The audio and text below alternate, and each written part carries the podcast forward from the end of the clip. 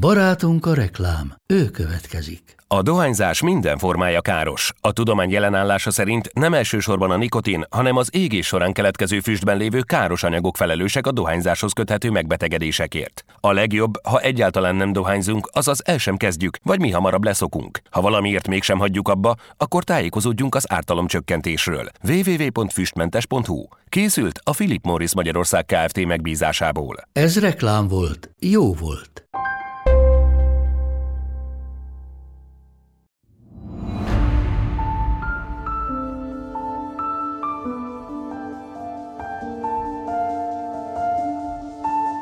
Manapság valószínűleg sokan meglepődnének, ha azt hallanák, hogy a mesék a történelmünk során teljesen más szerepet töltöttek be, mint a gyerekek szórakoztatása és elaltatása. Pedig a mesemondók előadásában az elmúlt ezer évben a mese sokkal fontosabb része volt a mindennapoknak, mint most.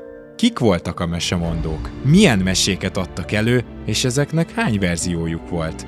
A mesék és mondák hogy illeszkedtek az aktuális történelmi korokhoz? Hogyan változott a mese szerepe, és vajon visszatérhet-e még a korábbi fontossága?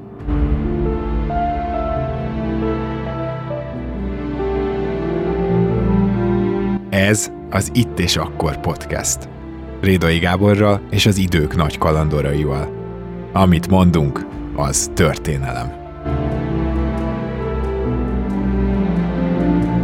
Sok szeretettel köszöntünk mindenkit az Itt és Akkor podcastben, ahol megint jön egy különleges téma, de ezek a különleges témák mindig olyanok, amikben egy picit megismerhetjük nem csak a múltat és a történéseit, hanem azt is, hogy hogyan éltünk, és számomra most már több podcastnek, több adásnak a tanulsága az, hogy mennyi hasonlóságot vélek felfedezni egyébként a múlt emberének érzéseiben, hozzáállásában, és, és a, a mostani hasonló hozzáállásunkban. Az élet szinte minden területén.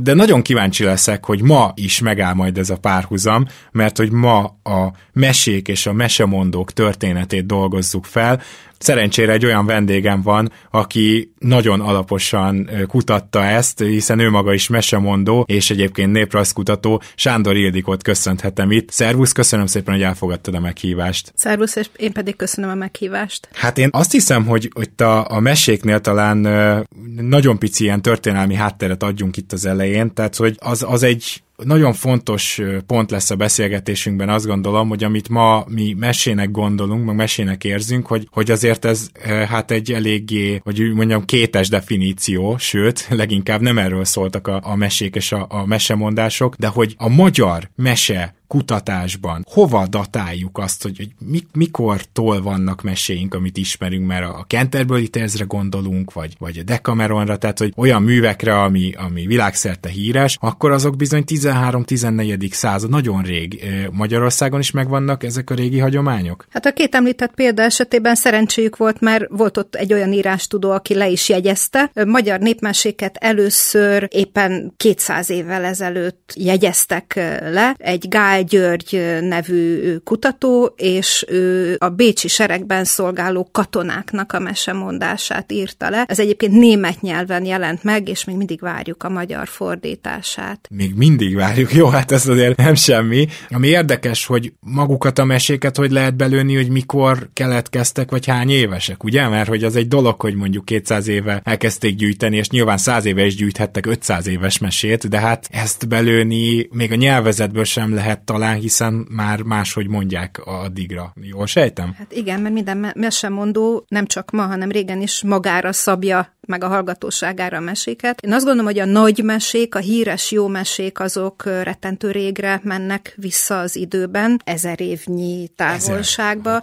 Egyszerűen azért, mert ezek olyan alaptörténetek, amivel mindenkinek van dolga, valami nagyon általános emberit hordoznak, kegyetlen szülők, akik a háztól elküldik a gyerekeiket, vagy éppen valamelyiket meg akarják egy valakivel gyilkoltatni, vagy a próbatételek, amelyek révén a mesehős e- elnyer, megküzd valamivel, és aztán elnyer mondjuk egy királylány, meg egy fele királyságot. Tehát nagy alaptörténetek vannak, nagy alapemberi élethelyzetekről, érzelmekről, úgyhogy nehéz azt megmondani, hogy mióta vannak ők, különösen azért, mert ugye az a mese régió, amiben mi is benne vagyunk, az Indiától a skandinávokig terjed. Ó, hát az elég nagy távolság. Mi a helyzet a csodaszarvassal például? Tehát, hogy biztosan tudjuk, hogy az egy olyan mese, amit tényleg a honfoglaláskorból hozunk, vagy lehet, hogy az utólagos történet. Itt fontos egy műfai különbségtétel tenni, ez se köztudott, hogy a, a mese, népmese és a monda műfaja között a, a csodaszarvas és egyéb mondjuk totemállatok vagy hiedelemlények a mondákban, jellemzően a hiedelem vagy időnként a történelmi mondákban bukkannak föl, és a mondát azért fontos külön venni, bár prózai, epikus műfajról van szó, de az mindig avval az igényel jelentkezik, hogy ez megtörtént. Tehát uh-huh. a, mhm. aki mondja a mondát, az is abban a tudatban van, hogy ez ő a valóságról számol be, és a hallgatók is, és olyan panelek vannak beillesztve, hely,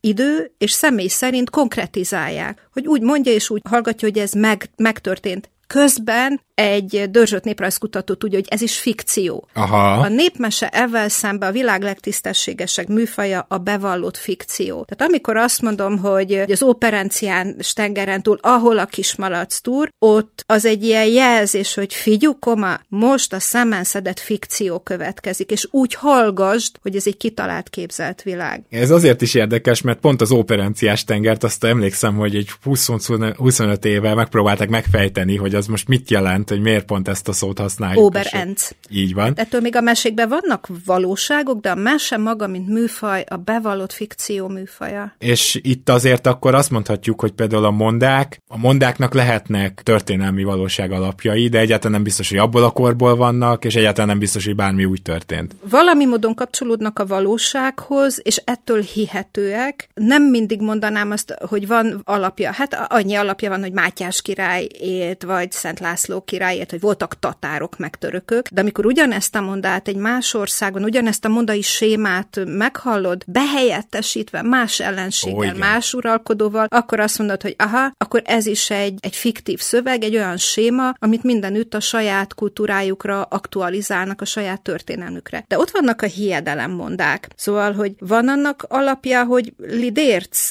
létezik? Hát inkább csak annak van alapja, hogy van olyan tojás, amelyik ugye a klimaxos tyúk utolsó tojásának sajátos a formája, és mint minden kezdés és minden végzés a mágikusan, mitikusan gondolkodó ember fejében az különleges, az valami módon a szentség fogalmához tartozik, na ehhez a tojáshoz rendelték hozzá azt, azt hogy ez a különleges lény, a lidérc ebből kelthető ki. Ó, értem. A, majd lesz veled még egy adásunk, és abban a lidércekről azt hiszem, hogy egy kicsit még bővebben beszélünk, de most szeretném azt megkérdezni, és tényleg itt lőjük le a nagy poént, tehát, hogy mi volt a mesék szerepe? Hát én azt mondanám a középkorban, koraújkorban, mert akkorra valószínűleg már vissza tudunk tekinteni, mert hogy itt a, a nagy poén az az, hogy egyáltalán nem az, amit ma így mesének gondolunk, nem a gyerekek elaltatása, bár elképzelhető, hogy ez is megtörtént, de, de valami egészen más volt, ugye a mesék szerepe? A mese elsősorban felnőtt ember mondta, és felnőtt ember hallgatta, vagy felnőtt közösség hallgatta. Manapság szokás azt mondani, hogy a társas munkaalkalmak, kukoricafosztás, tolfosztás unalmas, monoton munkák, hogy a mese arra való, hogy szórakoztasson. Ez kétségtelenül így van. Én azonban ezt árnyalnám, és azt mondom, elébe helyezve a szórakoztató funkciónak, hogy a mese, mint minden, ami művészet, minden, ami esztétikum, gyönyörködtet. És akkor már meg is van a válaszunk, mert hogy miért megyünk el egy színházba, miért megyünk el egy koncertre, miért nézzünk meg festményeket. Azért, mert a művészet az nekünk jó, az gyönyörködtet, és azon keresztül úgy tudunk a valósághoz kapcsolódni, ahogy semmi másnak a révén. Tehát a mese gyönyörködtető funkciója, szórakoztató funkciója, természetesen ott van a mese tanító funkciója is, úgyhogy ő egy ilyen sok arcú irodalmi műfaj. Én azt arra hajlok a magyar népköltészet esetében mindenképpen, hogy, hogy az egyik csúcs a ballada a másik. Jó, értem. Hát én ez csak osztani tudom, a balladáknak nagy szerelmese vagyok, de ahogy elmondtad, a modern mesék közül, és itt most már kifejezetten mesefilmekre is gondolok, a japán vonal az, ami ezt talán a legközelebb áll, tehát mondjuk egy vándorló palota, ami egyszerre gyönyörködtet, egyszerre tanít, és egyszerre szórakoztat. Tehát, hogy azért a mesének mint egy uh, ilyen interdisziplinális, tényleg nem csak elmondva, hanem, hanem máshogy is értelmezett fogalmában. A mai napig is vannak ilyen mesék, akkor azt mondhatjuk, tehát a mese ebben a formájában is túlélt, csak éppen most már nem annyira hallgatjuk valakitől. Mediális közeget váltott, Igen. ugye nem, nem élőszóban előadva, hanem animálva, megfilmesítve és konkrét képeket, látványt hozzákötve, de hogyha a kitűnő vándorló palotát említetted, és az egzotikus japán mesevilágot, akkor azért én hadd mondjak valamit, ami Európából való. Hát nem véletlen, hogy a Disney rajzfilm stúdió a szépség és a szörnyeteget, a piroska és a farkas, tehát a, a nagy alapmeséket fogja, és egyiket a másika után feldolgozza, riméket készít belőlük, tehát megvannak azért a mi, mi közegünknek a mesé is rajzfilm változatokban is. Oké, okay, akkor most egy picit még menjünk vissza. Említetted, hogy felnőtteknek szólt, de először azt akarom kérdezni, mert a kukoricafejtést mondtad, tehát hogy a mesék kifejezetten a szegényebb rétegek, vagy, vagy paraszti rétegek, jobbágyi és paraszti rétegeknek a, a műfaja volt?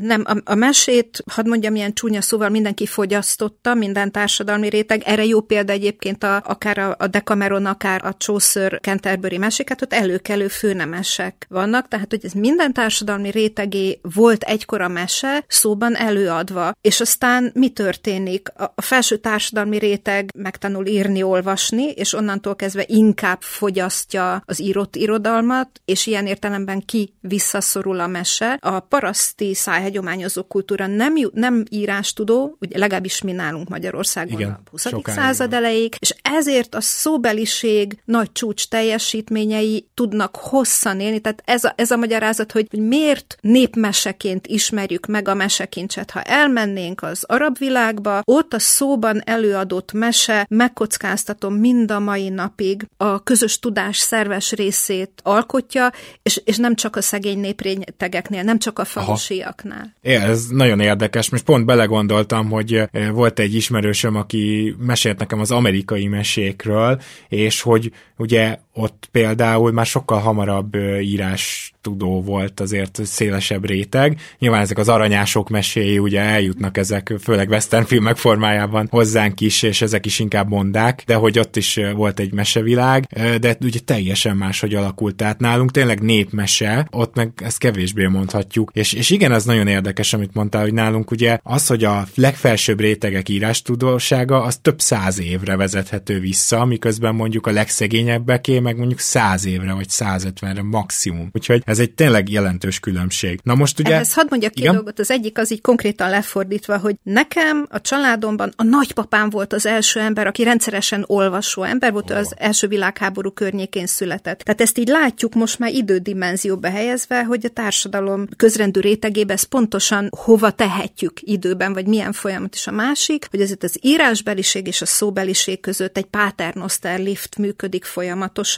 Igen. Tehát egy, nem tudom én, vándorló tanít tanító, katona, bárki elolvassa a mesét, majd pedig megérkezve egy helyre elmondja, és már is bekerül a szóbeliségbe. Amikor a ponyva nyomtatvány megjelent, a ponyvák a 20. század elejé meserepertoár alakulásban nagyon fontos szerepet játszanak, de azt is tudjuk, hogy akár ókori mesék is irodalmi közvetítéssel bekerülnek majd még akár a magyar paraszti szájhagyományba és mesemondásba is. Ez nagyon izgalmas, erre majd kicsit később mindenképpen rá szeretnék kérdezni, akkor itt volt egy olyan kérdésem, ami azt taglalta, hogy a nyomtatás mit befolyásolt, akkor gyakorlatilag ezt, hogy a társadalom felsőbb rétegei a nyomtatás és az írásbeliség, írástudás, meg olvasni tudás elterjedésével, ők kevésbé hallgattak már mesét, sokkal többet olvastak. Na de, akárhogy is kellettek ehhez mesemondók. És kíváncsi vagyok egyébként, hogy egy középkori királyunknak volt-e saját mesemondója, vagy egy nemesnek volt-e saját mesemondója, de akkor, ha jól sejtem,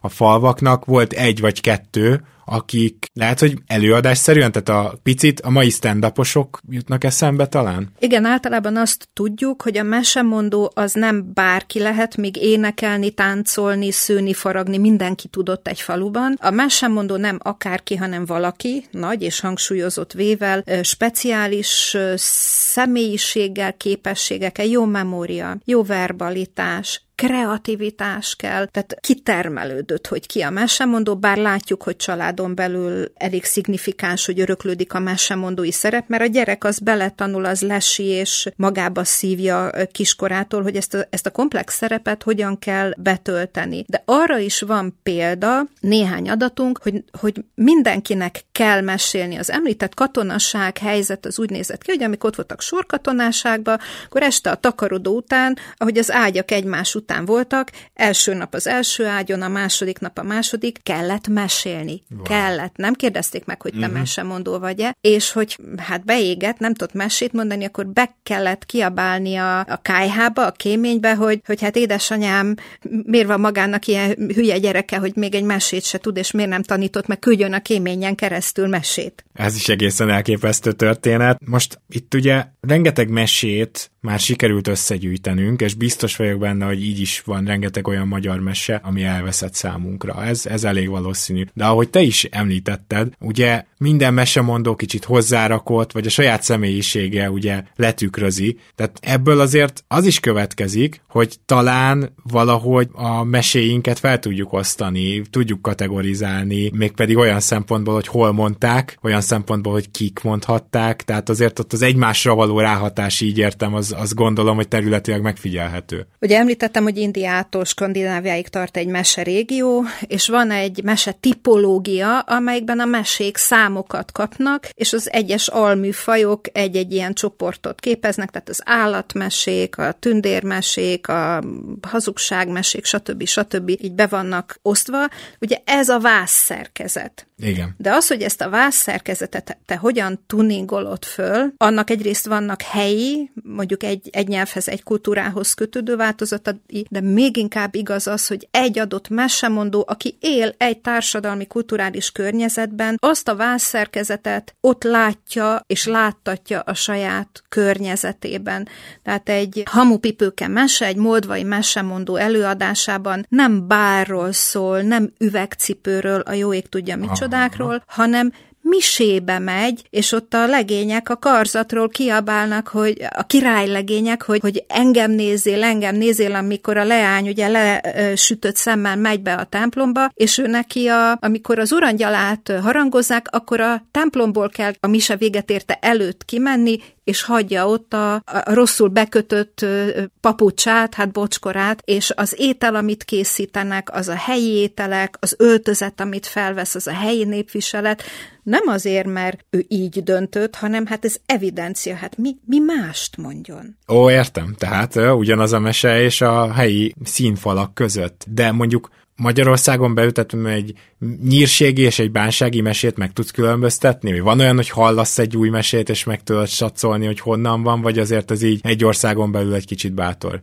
Hát tájszavak használatából igen, vagy bizonyos társadalmi jelenségek, ha a mesében megjelennek, akkor az, az ember sejti, hogy, hogy melyik tájon van, de nem, nem így rajzolódik ki, inkább mesemondó egyéniségek vannak, és erről kell még beszélnünk. Az alap az, hogy vannak a reprodukáló és vannak a kreatív mesélők. A reprodukáló úgy mondja, ahogy hallotta. Igen. Ő legfeljebb szórendeken változtat, szinonimákat cserélget, de ő, ő nagyon nem szabja, varja át a mesét. Aztán vannak azok, akiknek ehhez Isten áldott a tehetségük van, és annyit hozzátesznek ahhoz a meséhez, és olyan egyéni hangon is adják elő a történetet, és hát az ember beleolvassa magát, akkor mondjuk Ámi Lajost, aki a fantasztikum iránt, hogy mondjam, fogékony, és van egy nagyon sajátos humora is, ez egy egész más mesemondás lesz, mint egy kedvenc másik, már említett módvai mesemondom Jánó annak, aki egy női, egy lírai karakterű mesemondó, teljesen máshogy fogják akár ugyanazt az egy mesetípust is elmondani. Ráismersz a típusra is, de a, az egyéni hangvételt, az egyéni mesemondói karaktert is le tudott tapogatni rajta. Na most említettük azt, hogy a felnőtteknek szólt a mese. Akkor joggal feltételezem azt, hogy ezekben a mesékben erőszak, tudom, akár szex. Tehát, hogy megjelentek olyan dolgok, amit mondjuk a kisgyereknek nem mesélnél el? Hajaj, persze, hát pont ez a lényege a műfajnak, itt egy Prop nevű orosz kutatót meg kell említenünk, ugye, és az ő mese morfológiáját. Ő azt mondja, hogy minden mese valamilyen diszfunkcionális állapotból indul, amikor vagy rosszul működik valami, vagy valami alapvető hiány van a világban. Most a rosszul működik valami, az nem kispályások ezek a dolgok. A szülők a szegénységük okán útnak indítják a három testvért, mindenki kap egy-egy tarisznyányi pogácsát, és a két nagyobb mindig azt mondja a kicsinek, hogy hát most te adjál, mert majd könnyebb lesz, nem kell cipekedned. És először megeszik a kicsinek a pogácsáját, de biztosítják arról, hogy ha majd ő, ő kér, akkor ő is kap. És amikor ott van üres tarisznyával, akkor azt mondja, hogy hát éhes vagyok, testvérkeim, adjatok pogácsát. Hát de csak akkor adunk, ha levághatjuk az egyik kezedet. Egy pogácsa, egy kéz, második pogácsa, egy kéz. Tehát pogácsa, egy láb, másik láb, szemei kiszúrva, és akkor eljut a mese odáig, hogy az a csonka-bonka világtalan test csak hömbölgött, hömbölgött, ugye hát ez nem mozgásképtelen és nem lát, és ott volt egy kút, azt se látta, bele hömbölödik a kútba. Ugye egzisztenciálisan innen már nincs lejjebb. Igen. Tehát ez a borzalmak borzalma, vagy legalábbis egy példa rá, és hát mindannyian tudjuk, hogy itt mi következik. Nem itt van a mese vége. Tehát innen indul a sztori, mert hogy mi van abban a kútban? Hát az életvize van. Szeme, keze, lába minden kinő, de még hétszer teszebb és erősebb is lesz. Tehát a mesék nagy vesztességgel indulnak, de mivel minden mese befejezése, legalábbis a mi mese régiónkban ezt el lehet mondani, az az, hogy a jó elnyeri a jutalmát, mentől nagyobb az elején a vesztesség, a kár, a hiány, annál nagyobb lesz bennünk a katarzis érzés. Yes! Értem, értem. Megkapta, megcsinálta, megszerezte. Tehát, hogyha ezeket leszedjük róla, ezt csinálták egyébként, amikor átalakították a meséket gyerekeknek, hogy a mesei borzalmat minimalizálták, cenzúrázták, kilugozták a szöveget, nem is hat annyira. Igen, ez, na, ez egészen elképesztően érdekes, mert akkor mondhatjuk, hogy amiket ma mi mondjuk népmesékként olvasunk a gyerekeinknek, abban sok ilyen kilúgozott, átírt, finomított történet található? Hát amikor gyerekkönyvként jelenik meg a mese, akkor ez különösen a, nem tudom én, a 19. század végétől a 20. század utolsó harmadáig ez különösen jellemző volt, hogy egyébként jó tollú íróink átalakították a mesét, de szerencsére mellette mindig megjelentek a, a folkloristák által gyűjtött és tudományos igényel szöveghűen közreadott mesék, tehát aki a, mondjuk így a valódi mesére kíváncsi, az legyen szíves ilyen szövegeket olvasni. Említetted Prop, ugye az orosz nép Igen. kutató. Jól tudom, akkor szinte az világ összes meséjét megpróbálta bekategorizálni a saját orosz gyűjtése alapján, de igen. Hát azok mások, tehát Arne és Thomson voltak azok, akik azért ATH volt a jelzés egy a, a mese tipológiának, igen. és ebből, vagy ebben is dolgozott a Prop, aki a, a meséknek a struktúráját, a szerkezetét, a morfológiai egységeit rajzolta föl, és hát az orosz varázsmesék alapján, de ez kiállja a próbát más népek Na, ezt akartam kérdezni, is. a magyar meséknél is kiállja. Igen, ez tehát ez egy, ez egy kitűnő rendszerleírás van-e mégis olyan magyar mese elem, mondjuk így visszatérő elem, valami olyan kulturális hagyaték, ami nagyon magyar, ami, amit nagyon a sajátunknak érezhetünk? Igen, két-három mese típusnak, a, hogy mondjam, ahogyan nálunk elhangzik, azt szokták erre emlegetni, hogy az első természetesen a fehér lófia mese, uh-huh. és ezt mi ugye lóval ismerjük leginkább, de Jufia Jankó, tehát amikor az anyukája egy juh, akkor is ugye egy ilyen totemisztikus anya ős szül meg egy mitikus erejű és táltos tulajdonságokkal felruházott gyermeket, vagy van, amikor medve fia Jankó, tehát ugye wow. itt is látjuk, hogy ez variálódik, ugye jön a három erős segítője, alvilágba lemennek, stb. stb. Ez az egyik ilyen mesetípus, és bár sok népnél van égigérő passzúj, tehát valami, ami az alsó, középső és a felső világot Össze. összekötő axis mondi, ugye a világ tengelye, de ahogyan ez nálunk megjelenik, egy fa, amelyiknek a felső részén nagyon gyakran ö, sárkány lakik, és általában egy kiskondás az, aki fölmegy, ugye a királylányt rabolja el a sárkány, és azt kell például visszaszerezni. Na, ahogyan ez megjelenik szintén, ami egykori táltos világképünkkel, vagy, vagy hiedelemrendszerünkkel is összekapcsolhatóan, Tehát ez az égigérő fa is egy ilyen hungarikum, ha szabad ezt mondani, és a harmadik, az is egy nagy kedvencem, ez pedig az égitest szabadító mese. Király Kis Miklós néven szokás ismerni, ugye amikor a napot, holdat, csillagot ellopják az égről, és jön egy hős, aki ezeket úgy szerzi vissza, hogy három egyre nagyobb erejű sárkányjal megküzd. Na, na, akkor tehát van, van, van olyan, ami ilyen magyar, vagy kifejezetten magyarnak Ezekre ezt tudjuk ez, Hát kanyarodjunk picit vissza a mesemondókhoz. Ugye ezek a mesemondók közösségekben éltek, de ugye ezt korábban is említettem, hogy lehetséges, hogy például mondjuk el is hívták őket, ha nem is feltétlenül az urak, vagy maga a király, lehet, hogy a szomszéd faluba is áthívták, hogy akkor mondj nekünk mesét, talán ezt nem is munka közben, hanem egy nagy esti, ma azt mondanánk show kíséretében? Hát egy jó mesemondónak a szükebb környezetében szomszédos falvak híre volt, és természetesen elhívták ezekre a társas munkaalkalmakra. Annyira megbecsülték, hogy neki nem is kellett azt a munkát végezni, hanem oh, akkor értem. neki csak a mesemondás volt a feladata, erre is vannak adataink, illetve a már említett Ámi Lajos, aki kitűnő mesemondó volt, az egyik leg, legnagyobb, amikor ő a katonasságnál szolgált, ugye volt ez a rendre mesélés, és akkor nála egy fél liter pálinkával lehetett megváltani, aki sorra oh. került. Na, kiderült az ő valamelyik előjárója számára, hogy ő jól mesélő, és akkor őt el is vitték valamilyen, hát ilyen szalomba, hogy az ott lévő hölgyek és urak számára meséljen, és szórakoztatta őket is. Tehát erre is van példánk, meg hát ne felejtsük el, hogy a, a mesemondó nem mindig a, tehát nem, nem úgy képzeljük el, mint egy buta parasztot, na, tehát hogy ezt a sztereotípiát, ezt messze igen. fölülírja, tehát a mesemondó attól még, hogy ő gazdálkodó, falusi ember, vagy jószágot őrző pásztorember. Ő Kivételes képességekkel. Igen, egy rendkívül intelligens ember, és hogyha olyan helyzetbe kerül, egy búcsújárás, egy vásár, valamilyen társas alkalmon, az nem úgy van, hogy akkor csak a parasztok hallgatják azt. Aha, persze. Tehát, hogy azért van átjárhatóság. Akkor viszont beszéljünk már egy picit arról, hogy ezek a mesemondók, ezek végső soron hogyan marginalizálódtak, most elnézést a magyar talan szóért, de, ezt érzem legpontosabbnak, tehát hogy, hogyan történt meg az, hogy ezek a mesemondók óriási, több száz éves hagyomány, teljes mértékben benne vannak a közéletben, mert gondolom ez picit, picit előbb történt már meg, mint az, hogy elkezdtük a tévét bambulni.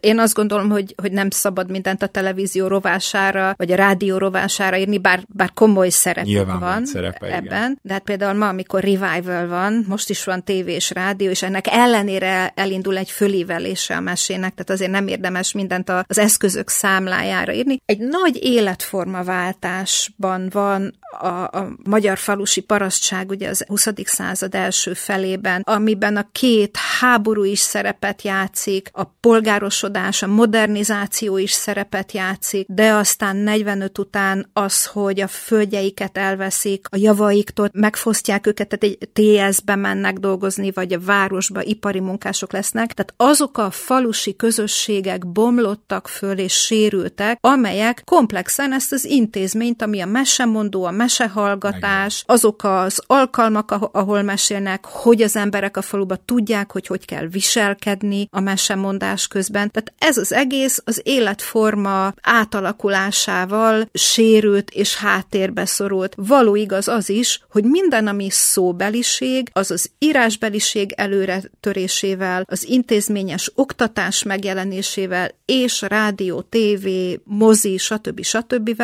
perifériára szorult. Nagyon pontos ez a marginalizálódás. Az egyik elsőként felfedezett mesemondó egyéniségünk, Fedics Mihály, aki kitűnő mesemondó volt, a falu legszélén élt, hogy mondjam, egy ilyen tényleg egzisztenciálisan is egy ilyen perem helyzetben, és öreg napjaira, amikor az ortutai Gyula őt fölfedezés fölgyűjti a mesét, hát gyerekek mennek, és akkor nem tudom én, egy-két hasáb tűzifát visznek, mondjuk így fizetségül, hogy ez a nyomorult öreg ember meséljen nekik.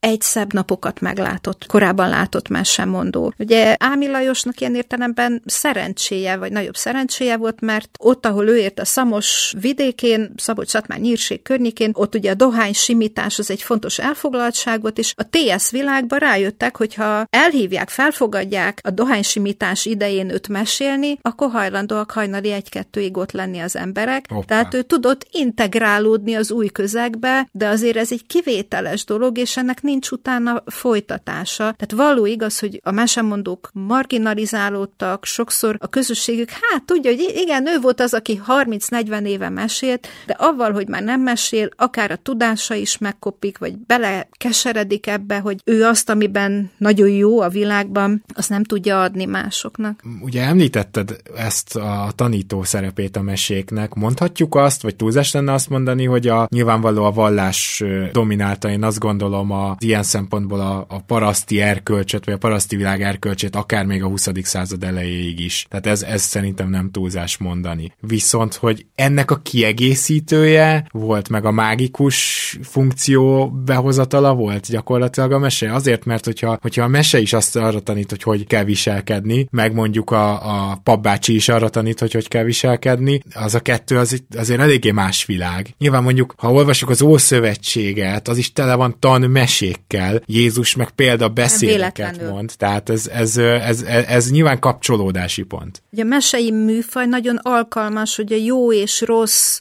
pólusokat fölrajzoljuk, és ezt a nagyon tiszta, egyszerű képletet, ami azért a hétköznapokban kinn az utcán ennél sokkal Nem bonyolultabb.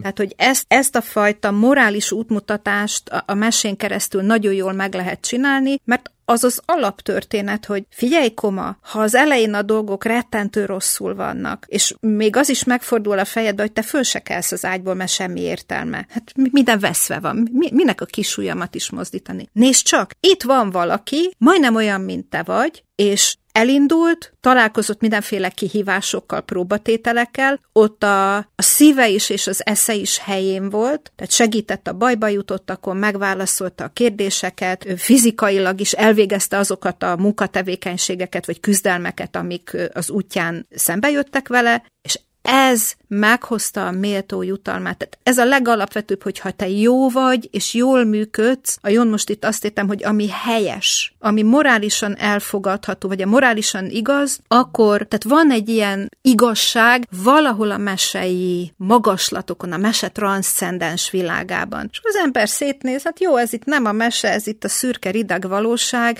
de, de ez mégiscsak inspirál, mert a mesébe úgy volt. De gondolom itt a kulturális közeg azért számít, tehát egy Aladdin mesében egy picikét más igazságok vannak, mint mondjuk a mi meséinkbe. Hát, vagy a hangsúlyok vannak mások, vagy, vagy vannak olyan népek, vagy vannak olyan mese hagyományok, és akár az ezopuszi állatmesék is ilyenek, ahol ez a didaktikus tanító funkció, ez sokkal direktebb. Aha. Én ezt nagyon szeretem a magyar mesei hagyományban, hogy alapvetően azt mondhatjuk, hogy ennél sokkal elegánsabban, és tényleg a művészet stilizált és átételes módján, és nem ilyen szájba rágósan mondja meg nekem, hogy hogy, hogy kell gondolkodnom a világról, hanem, hanem úgy, hogy közben gyönyörködtet. Dupla fenekű kérdés jön, mert azt szeretném igazából megkérdezni, hogy a mesék reflektálhatnak-e történelmi eseményekre, és nyilván a török gyerekes sztorikból tudjuk, hogy ez igaz, de még azt is el meg akarom kérdezni, hogy a mesemondó azzal, hogy hogy mond egy mesét, vagy egy panelt teljesen átír, tud-e reflektálni kortárs eseményekre? Abszolút így van. És itt is nem mindegy, hogy egy reprodukáló vagy egy alkotó típusú mesemondóról van szó. Gondolom itt az alkotók lesznek előnyben. Igen, az alkotók lesznek előnyben, és ismét Ámi Lajost kell előhozzam, aki a technikai modernizáció iránt is nagyon fogékony volt, tehát a király letelefonál a vasgyárba, oh. és, és vonat, oh. és,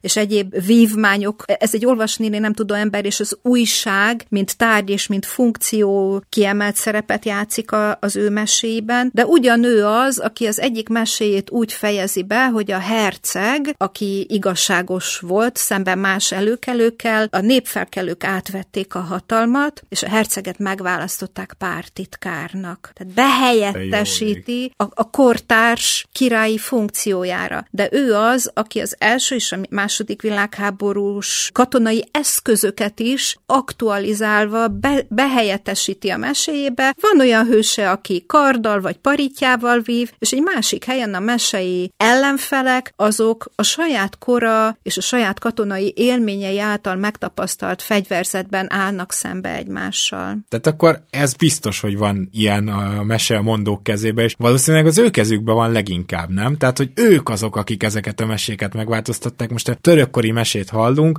akkor az nem vagyok benne biztos, ezért is kérdezlek, de hogy, hogy nem az van, hogy valószínűleg egy korábbi mesepanel, egy mese, amit meséltek, csak úgy ragadt meg, és úgy jutott el egészen mondjuk idáig valamilyen mesegyűjteményünkbe, hogy, hogy a, a török időkben átírt verzió, és azt lehet, hogy sokáig mondták is, hiszen micsoda tanító ereje van annak, hogy itt volt a török, és hogy ne legyen még egyszer itt. Ugye ezek megint inkább a mondák, de, de a kérdésnek a másik részére, tehát mi az aktuális, és a másik része. Ugye hadd utaljak vissza arra, amit a beszélgetés elején volt, hogy a mesék nagy általános alapemberi történetek, amiket újra és újra mesélünk. De mitől fog az nekem szólni, vagy neked a pillanatnyi hallgatóságnak? Attól, hogy ez a fiktív és nagyon kemény poetikai szabályok által meghatározott műfajnak meg kell az itt és mostot jeleníteni. Tehát a hallgató úgy hallgassa, hogy a, a mesei fantáziabirodalom, közben meg a Városmajor utca 26B-ben zajlik, vagy éppen egy konkrét moldvai faluban, egy konkrét szamosszegi faluban,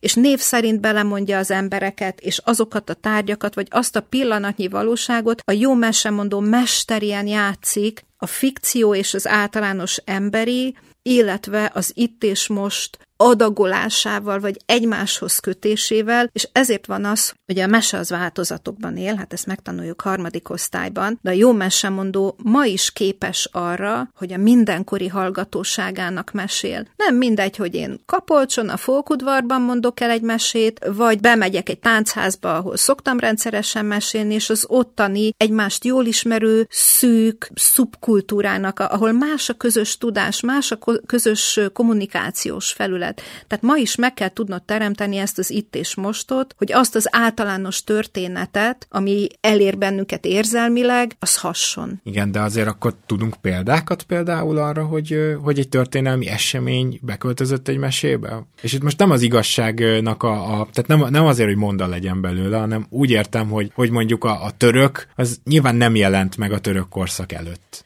Hát a, a török ha megjelenik mesében, vagy egyáltalán a népköltészetben, ő micsoda? Az ellenség. Igen. Ugye előtte tudjuk, hogy előtte a tatár volt az ellenség. És akkor néhol megy tovább az idő, és lesz a labanc az ellenség, vagy lesz a, a muszka az ah, ellenség. Tehát ez az, amikor aktualizálunk. Ilyen értelemben, ami az adott közösség itt és mostjában történelem, vagy, vagy van valamilyen kötődése, mondjuk hatalmi viszonyokat képez le, vagy abban, amit mond, abban az általános emberiben. Tehát a cseh király harcol, a nem tudom én, a török, igen, a török az Ámi Lajos egyik meséjében a, a fő ellenség, a Bunko Vince mesében. Értem, tehát akkor, jó, akkor ez, itt van konkrétum is, de hogy Mátyás király. Mátyás tehát, hogy, király. hogy beköltöznek bizonyos alakok a, a meséinkbe, igaz? Igen. Igen. Tehát történelmi alakok beköltöznek.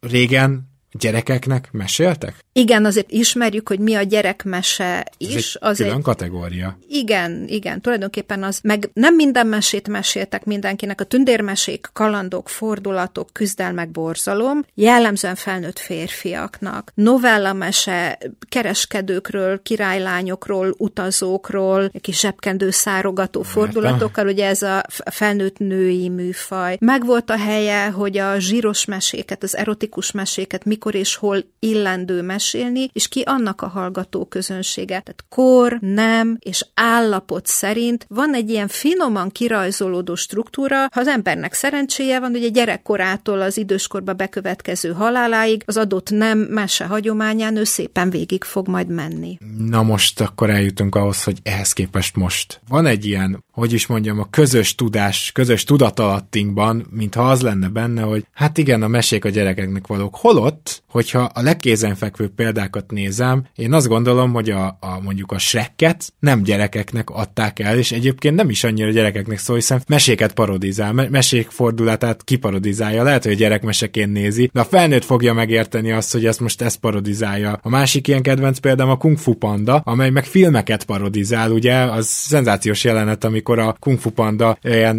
leordít az ellenségének, hogy, és mutatjuk közben, nem hallja, mert olyan távol van, és ilyeneket parodizál. Tehát, hogy itt én például azt látom, hogy ezek a modern mesék, ezek bizony nagyon is szólnak a felnőtteknek is. Tehát annak ellenére, hogy van egy ilyen, a gyerekeknek mesélünk, a gyerekek arra alszanak el, annak ellenére maguk a mesék, ezt mintha nem annyira követnék, talán csak a nagyon ilyen, kinyitom a népmeséket mesélek most a gyereknek, lehet, hogy az egy külön kategória ebben, de azért ezt a, ezt a közös tudást a meséknek a nagy része számomra nem erősíti meg. Két irányból szeretnék erre válaszolni. Az egyik az egy, egy művészeti megközelítés, amikor én azt gondolom, hogy a remek művek azok nagy részt arról is megismerhetőek, hogy, hogy mindenki megérzi benne a, a szépséget, és mindenkit rabulejt. Nem véle, tehát Vörös Sándor a verseit nem gyerekeknek írta. Mégis lett belőle egyik regiszteren gyerekvers, meg lett belőle persze felnőtt vers is, de ugyanígy nagy klasszikus zenei alkotásokat. Egy csomó mindent föl tudnánk sorolni, hogy azt érzékeljük, hogy egy jó műalkotás az,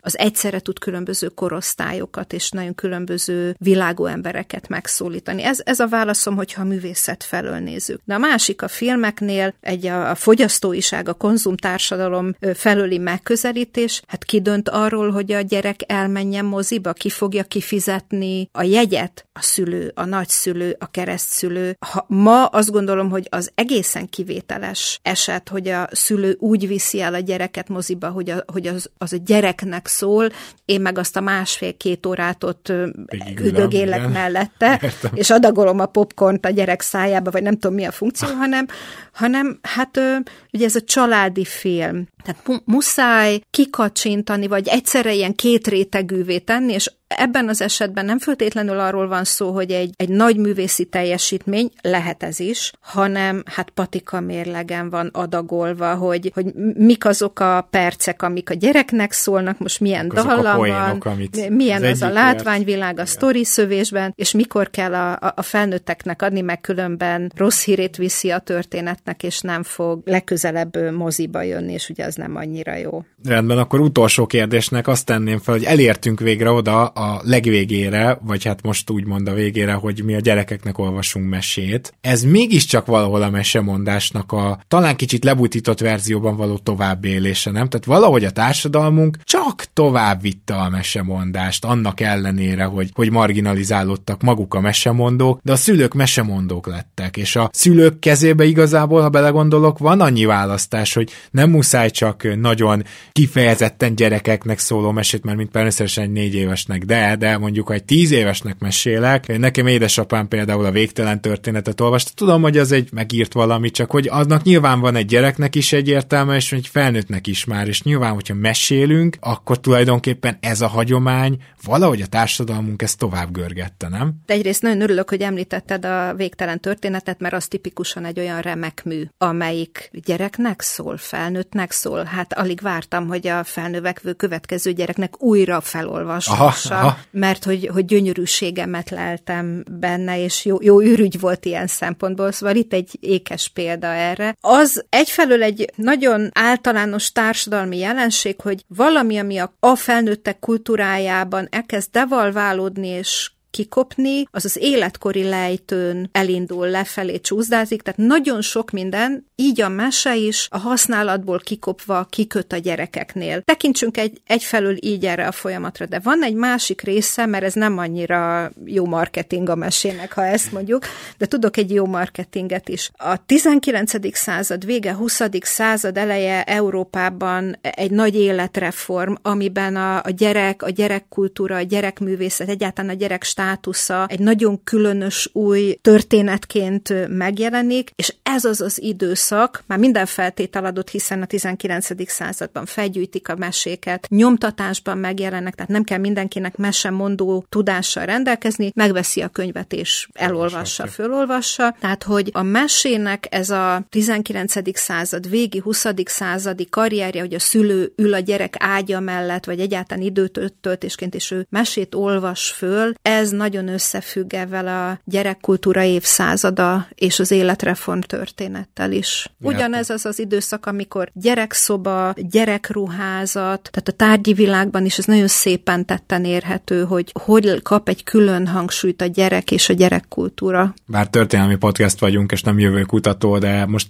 említetted ezt a revival mozgalmat, szerinted mi lesz? Szerinted mi történik a mesékkel a következő húsz évben? Azt gondolom, hogy nem szoktam, de most lehet jósolni. Tudni egy, ez a folyamat már egy-két évtizedes, és látszik az ereje is. És ha valaminek egy ilyen ereje látszik, akkor csekély a lehetősége, hogy tévedünk. A történetmesélés, és ez tágabb, mint a mesemondás, és benne a mesemondás, talán mondhatjuk azt, hogy régi jogaiba visszakerül, és ez talán avval függ össze, hogy, hogy olyan mértékben elidegenettünk, és valami olyan sóvárgás van bennünk az élő szóval egymás felé fordulás iránt, hogy szórakoztassuk egymást avval, hogy történeteket mondunk, hogy tanítsuk egymást, hogy gyönyörködtessük ugye ezt a sokféle funkciót, vagy ahogy egy tanulmányomban megírtam, hogy a közösségek, a más sem mondó hallgató közösségek tudás, élmény és kommunikációs közösségé váljanak, és a más mondás ebben egy kitűnő eszköz. Sándor Ildikó, hamarosan újra hallhatnak majd téged a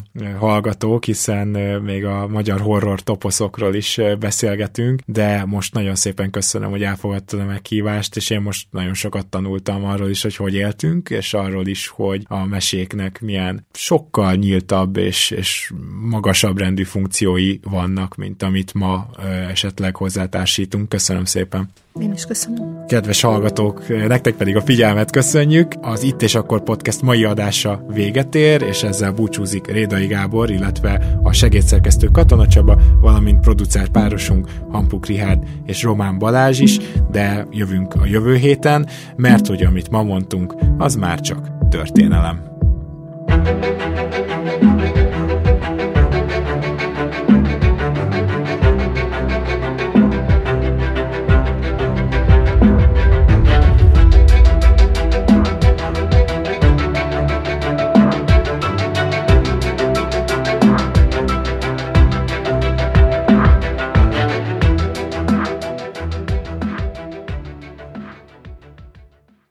Ha más podcastekre is kíváncsi vagy, hallgassd meg a Béton műsor ajánlóját. El tudod képzelni, hogy a podcastet, amit éppen most hallgattál, fél év múlva már a mesterséges intelligencia generálja? Mi sem. De ha érdekel, eljött már a gépek lázadása. Hallgass bele az Embertelen podcastbe. Orsós Lajos vagyok, a műsor házigazdája. Egyelőre még élőben. Egyelőre. Fedezzük fel együtt, hogyan ismerkedik, randizik, mesél és vitatkozik Betty és Péter, két teljesen mesterséges intelligencia. Lajos, a podcast címét mond még egyszer, Léci. Oké. Okay. Embertelen podcast. Ez egy Béton podcast.